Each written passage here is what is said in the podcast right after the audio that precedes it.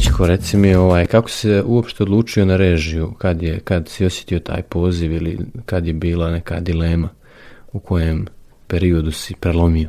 To nije baš jednostavno pitanje, nije kao da sam želio od uvijek od malih nogu da budem režiser, to se desilo spontano u, tokom gimnazije kada je došao neki treći razred kad sam morao da odlučim uh, koji ću fakultet uh, da izaberem i samim tim poziv kojim ću se baviti tokom života.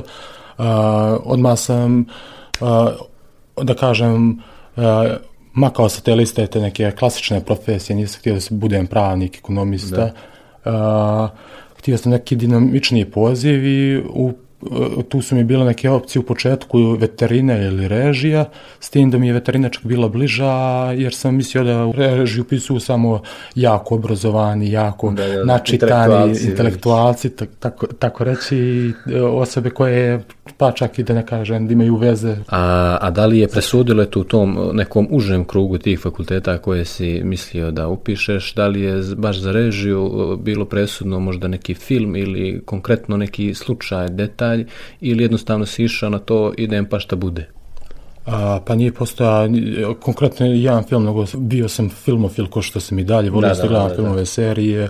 A, htio sam da ostanem u tom nekom segmentu, imam mogućnost da nastavim da gledam filmove i da se malo fleksibilnije obrazujem, što režija omogućava, da čitaš ono što tebe interesuje. Da. A, ovaj, a eto, kad si ovaj upisao fakultet, da li si imao neka očekivanja prije nego što si upisao i ako si ih imao, da li je to da li je fakultet na Cetinju ispunio ta tvoja očekivanja ili je tu bilo nekih padova, uspona, možda nekih razmišljanja da se ispiše nešto drugo ili je to išlo glatko? A, pa kad sam upisao fakultet, vidio sam se u oblake i mislio sam da će to da ide mnogo glatko. Da, da, da. da ide mnogo... Ko svi koji upišu tamo.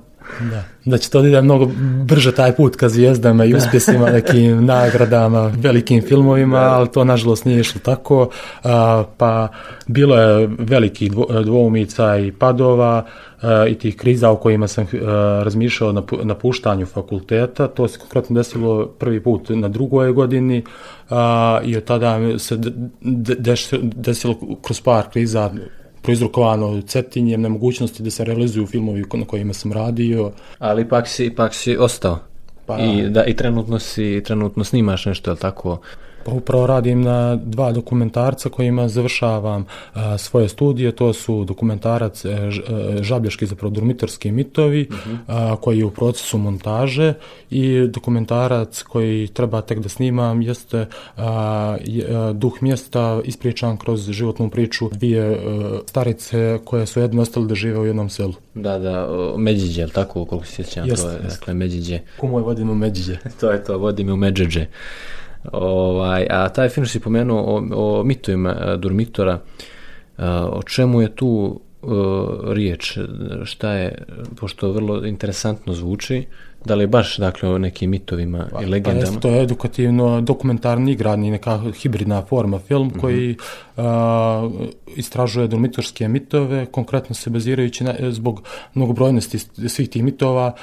fokus smo stavili na mitove vezane za Vraže jezero, i on, e, mi to je nastanku Vražeg jezera, tu je taj mit zanimljiv kako je nastalo Vraže jezero, a, to je kako je ta oblast jezera bila, bila sva pod borovom šumom, onda udario gr, e, grom u drvo, drvo se zapalilo i vjetre plamen rasplomcao po cijeloj šumi, iz šume su pobjegle zvijeri i, i životinje u Durmitor, a vile u oblake, a na dnu jezera su se sakrili vrag i vražice i tu su formirali uh, jedan veliki dvorac od uh, ledenih kristala. Aha.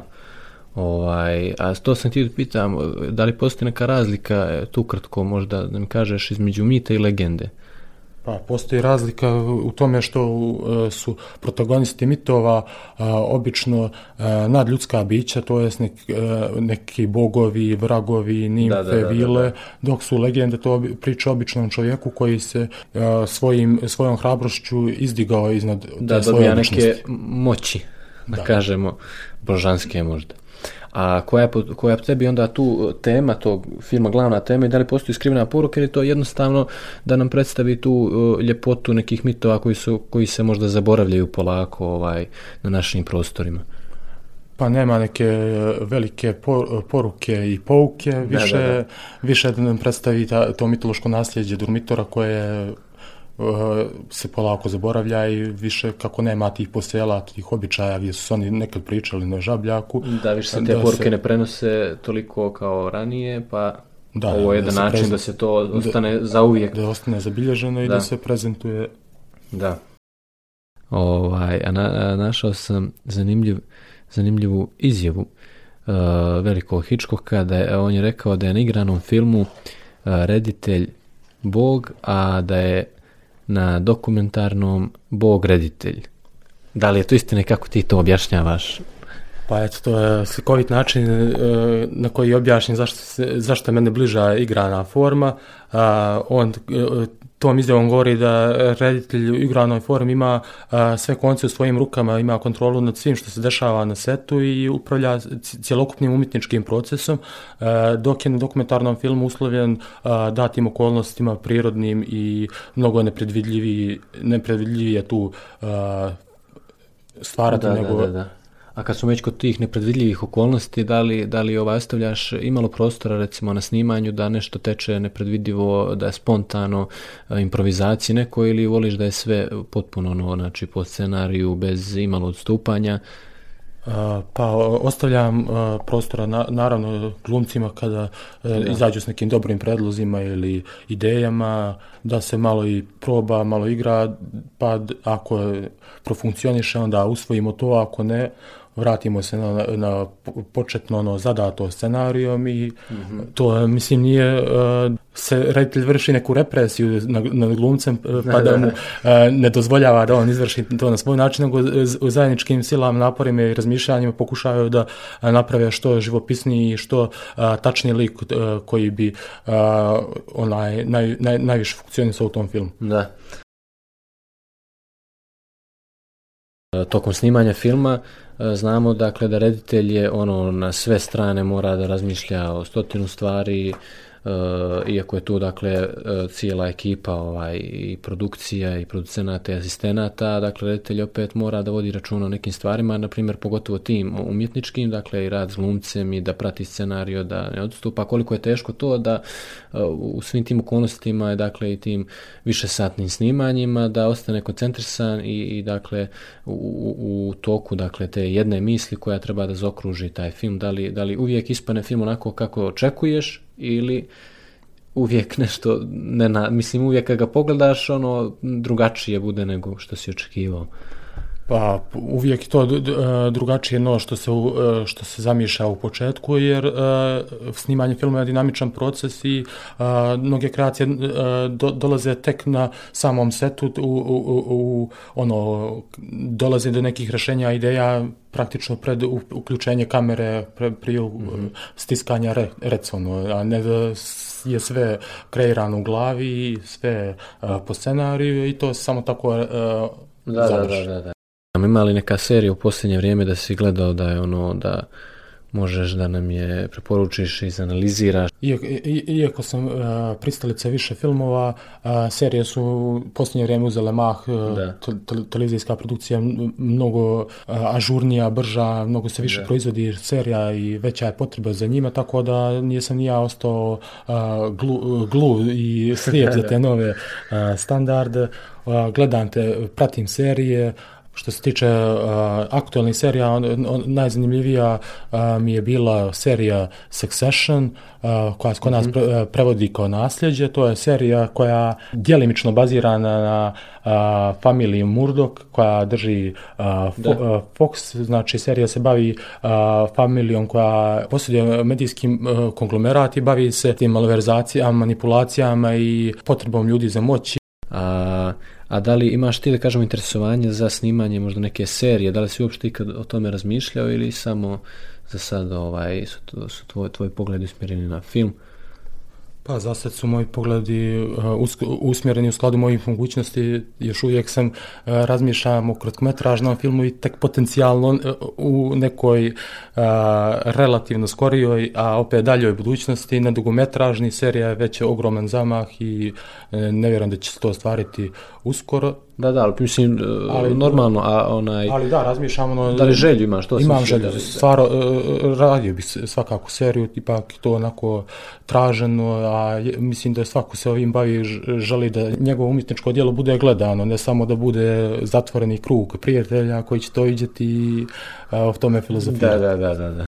A ovaj, ispratili smo, ispratili smo svi te filmove koji su bili dakle nomin, nominovani iz Oscara. Koji je po tebi film od tih, evo recimo to je bio Parazit, pa Joker, baš je bilo mnogo filmova koji su ono, praktično sve su mogli zamisliti kao dobitnike Oscara, da li po tebi je Parazit iz, iznad svih, pošto je uzeo, koliko je, pomoći ćeš mi, uzeo je ja mislim pet, ko, ako se ne varam, nisam siguran. Mislim da je da. uzeo za strani film, za scenariju, za režiju i za najbolji film, možda je to na četiri. Da. Ne znam ili još neki uzeo. Pa da li je realno to po tebi?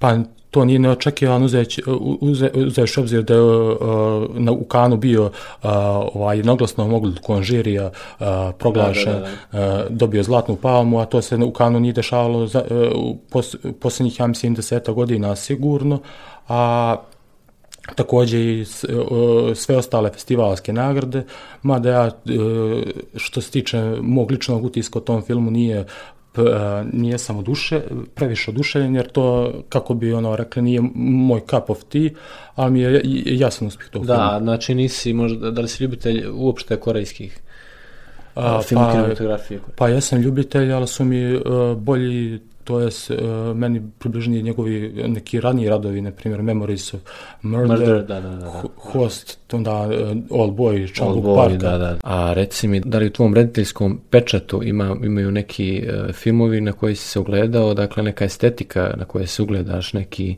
da kažemo, možda filmski konkretno pravac ili...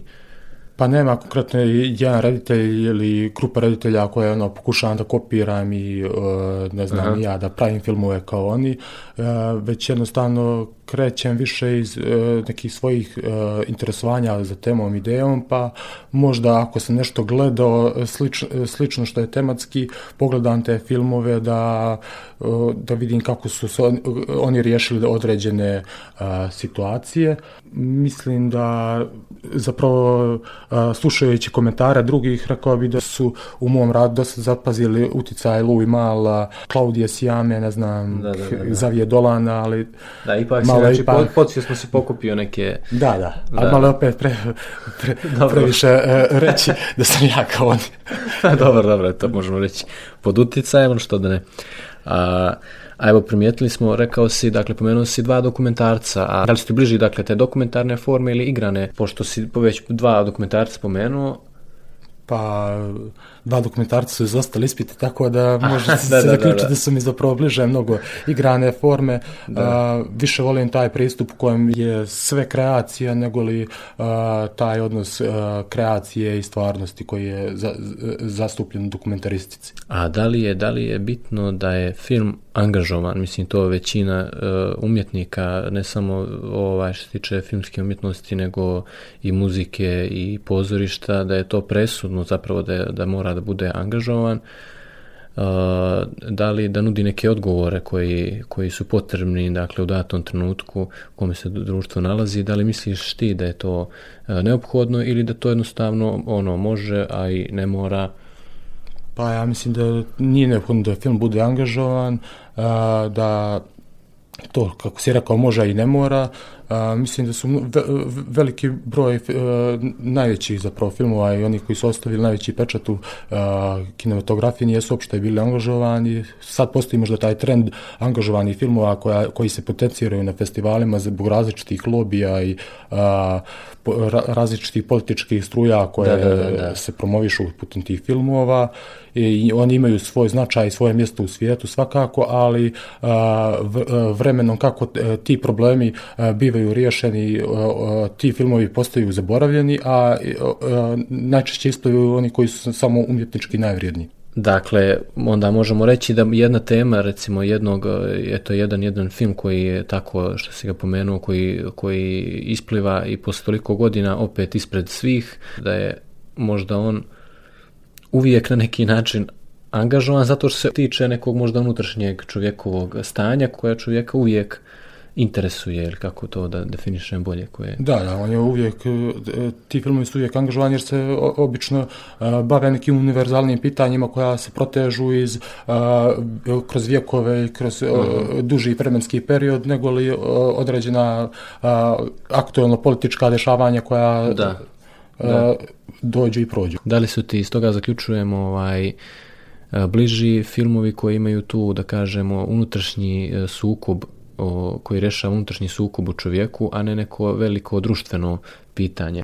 Mislim, u tvojim filmovima igranim koje, koje si radio, da li, da li je to zastupljeno? Da, da. Vi, unutrašnja borba. Više se bavim unutrašnjom borbom e, pojedinca i čovjeka i nje, e, njegovim problemima a, koje se mogu, s kojim se mogu svi poistovjetiti, a koji nijesu onako samo, pokušavam da ne budu samo a, trenutačni, nego li e, društv, a, uopštenim društvenim pitanjima i tematikama a recimo postoji li neki film koji ono dok gledaš zamišljaš da kako bih volio da sam ga ja režirao ono da baš ne znam pominjao si neđe uh, ja tad još nisam pogledao taj film pogledao, uh, pominjao si Odiseju u svemiru od Kubricka tebi je to odmah tako na prvu bio film koji ti je ostavio? Pa, pa nije, mi, e, nije mi ostavio pozitivan utisak odmah na prvu. Gledao sam ga negdje kad sam bio možda sa 15-16 godina početkom gimnazije oh. i onako prilično me zaintrigirao uh, svojim izrazom i formom, što je bilo drugačije od svega što sam do sad gledao, da. ali me također, da kažem, iznervirao, nije mi bilo jasno šta se tu dešava, da, ali da. me film nekako ostao u meni naredni period i kopkao me je, jer ono dug period bih se prisjećao scena i tih varijanti i posle pola godine sam ga ponovo pogledao i mnogo mi je bolje pao i to da ga ono repriziram. Da, stalno ga obnavljaš ovaj. Da li, da li taj film ima neku poruku za koju bi se svi složili da je, da je, da je 100% poruka koju on nosi, pošto tu ima more, more poruka koje iz zaključaka do kojih možemo da dođemo, da gledamo. Taj film je prilično širok za interpretacije i potiče u svim gledalcima mislene procese koji su svakim gledanjem, barem kod mene, čak različiti. -huh. Tako da nije siguran da uh, ima poruke koje bi se svi, apsolutno svi složili, a ima neka pitanja koja ono sve tangiraju i pitanja odakle dolazimo, kuda idemo, koje da, mogu da. svima da budu interesantne. Znači ima neku, možda je ta linija sa uh, holom, uh, to je sa kompjuterom koji uh, da koji doseže određen nivo e, e, inteligencije i okreće se čovjeku je jedno univerzalno pitanje i tu, tu je neka konkretna poruka koju, kojom upućuje Kubrick na a, opasnost tehnoloških dostignuća. Da, da, da, da. A tu mi je bio zanimljiv je također detalj koji ono mora se nije čak detalj nego je vrlo bitan dio filma ta mermerna ploča savršenog oblika, mislim, savršenih linija koja predstavlja na neki način e, božanstvo, je tako? Mislim, ona kada, kada dođe u, na zemlju, među majmune, Da, da. Ovaj... Tad počinje početak, da kažemo, e, da kažemo inteligencije kod čovjeka. Jest. Tad on poče, postaje, postaje svjestan e, da može da iskoristi jednu običnu koz, da mlati po glavi drugog čovjeka da, da. i tim izrazi svoju dominaciju. Pa, da li, je, da li po tebi u, u toj to onoj ploči, da li ima neki simbol ili jednostavno je to neki umjetnički izraz koji eto, da ostavlja slobodu da mi razmišljamo? Mislim da tu ostavlja velika sloboda uh, razmišljanja, ali da, uh, kao što ti rekao, to je simbol početka, uh, inteligencije početka, stvaranje čovjeka. Da, da, da. To da, je da, jedna vrsta... Pa da, i kad vidim ono, stvarno izgleda nekako kad, kad se vidi ta ploča kao da... Kao da stojimo ispred nekog velikog spomenika, baš ima neku, neku sentimentalnost, nešto, kao da tu ti neka jeza, ono. Pa da, ono, megalomanija, pa cr, da, crni oblik, to sve. Baš ono, da, da, da, da. A koja su tvoje očekivanja kao, kao reditelja uopšte, dakle, ovdje kod nas u Crnoj Gori, koja, koje su tvoje, da kažem, mogućnosti, tvoj prostor djelovanja, da li, da li imaš neku, uh, neku viziju gdje bi to moglo odvesti ili je možda sve neizvjesno, Pa kod nas situacija je prilično neizvjesna, jako se teško dolazi do a, dugometražnog filma, što je da. svima nama cilj. A, umjetnost i dalje onako marginalizovana, ali je to a, pokretanje filmskog centra koji je to sada već postoji četiri godine, čini mi se, a, malo su se stvari poboljšale i stvorili su neki prostori i za nove mlade reditelje da dobiju sredstva kako za krotmetražne, tako i za dugometražne filmove. A, svoju perspektivu ne vidim u Crnoj Gori jer je stvaranje ovdje osuđeno na e, iščekivanje konkursa do konkursa i rezultata da li će se proći ili ne. E, radije bi bio u nekom okruženju gdje postoji industrija i intenzivan rad ono 365 dana gdje se stvara nešto. Neka to bude za kraj, to mi ću hvala ti. Hvala tebi nego ste prinstvi što sam ima pozvao emisije.